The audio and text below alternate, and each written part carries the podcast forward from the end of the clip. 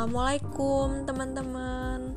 Halo semuanya. Selamat datang di Maya Podcast. Bersama saya Maya Anggela Mahasiswa baru Prodi Teknik Geofisika ITERA Angkatan 2021 Di episode ini saya akan berbicara tentang future plan. Hah? Masa depan? Orang tua saya selalu bertanya ingin menjadi apa aku ini di kemudian hari saya menjadi bingung harus menjawab apa. Rencana saya saat ini, saat kuliah nanti, saya juga ingin belajar berbisnis. Banyak teman mengatakan bahwa mereka akan menjadi karyawan setelah lulus nanti, tetapi saya memiliki rencana yang berbeda.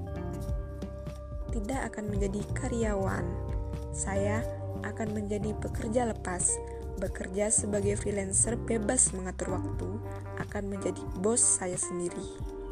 Besides, saya ingin menjadi pengusaha.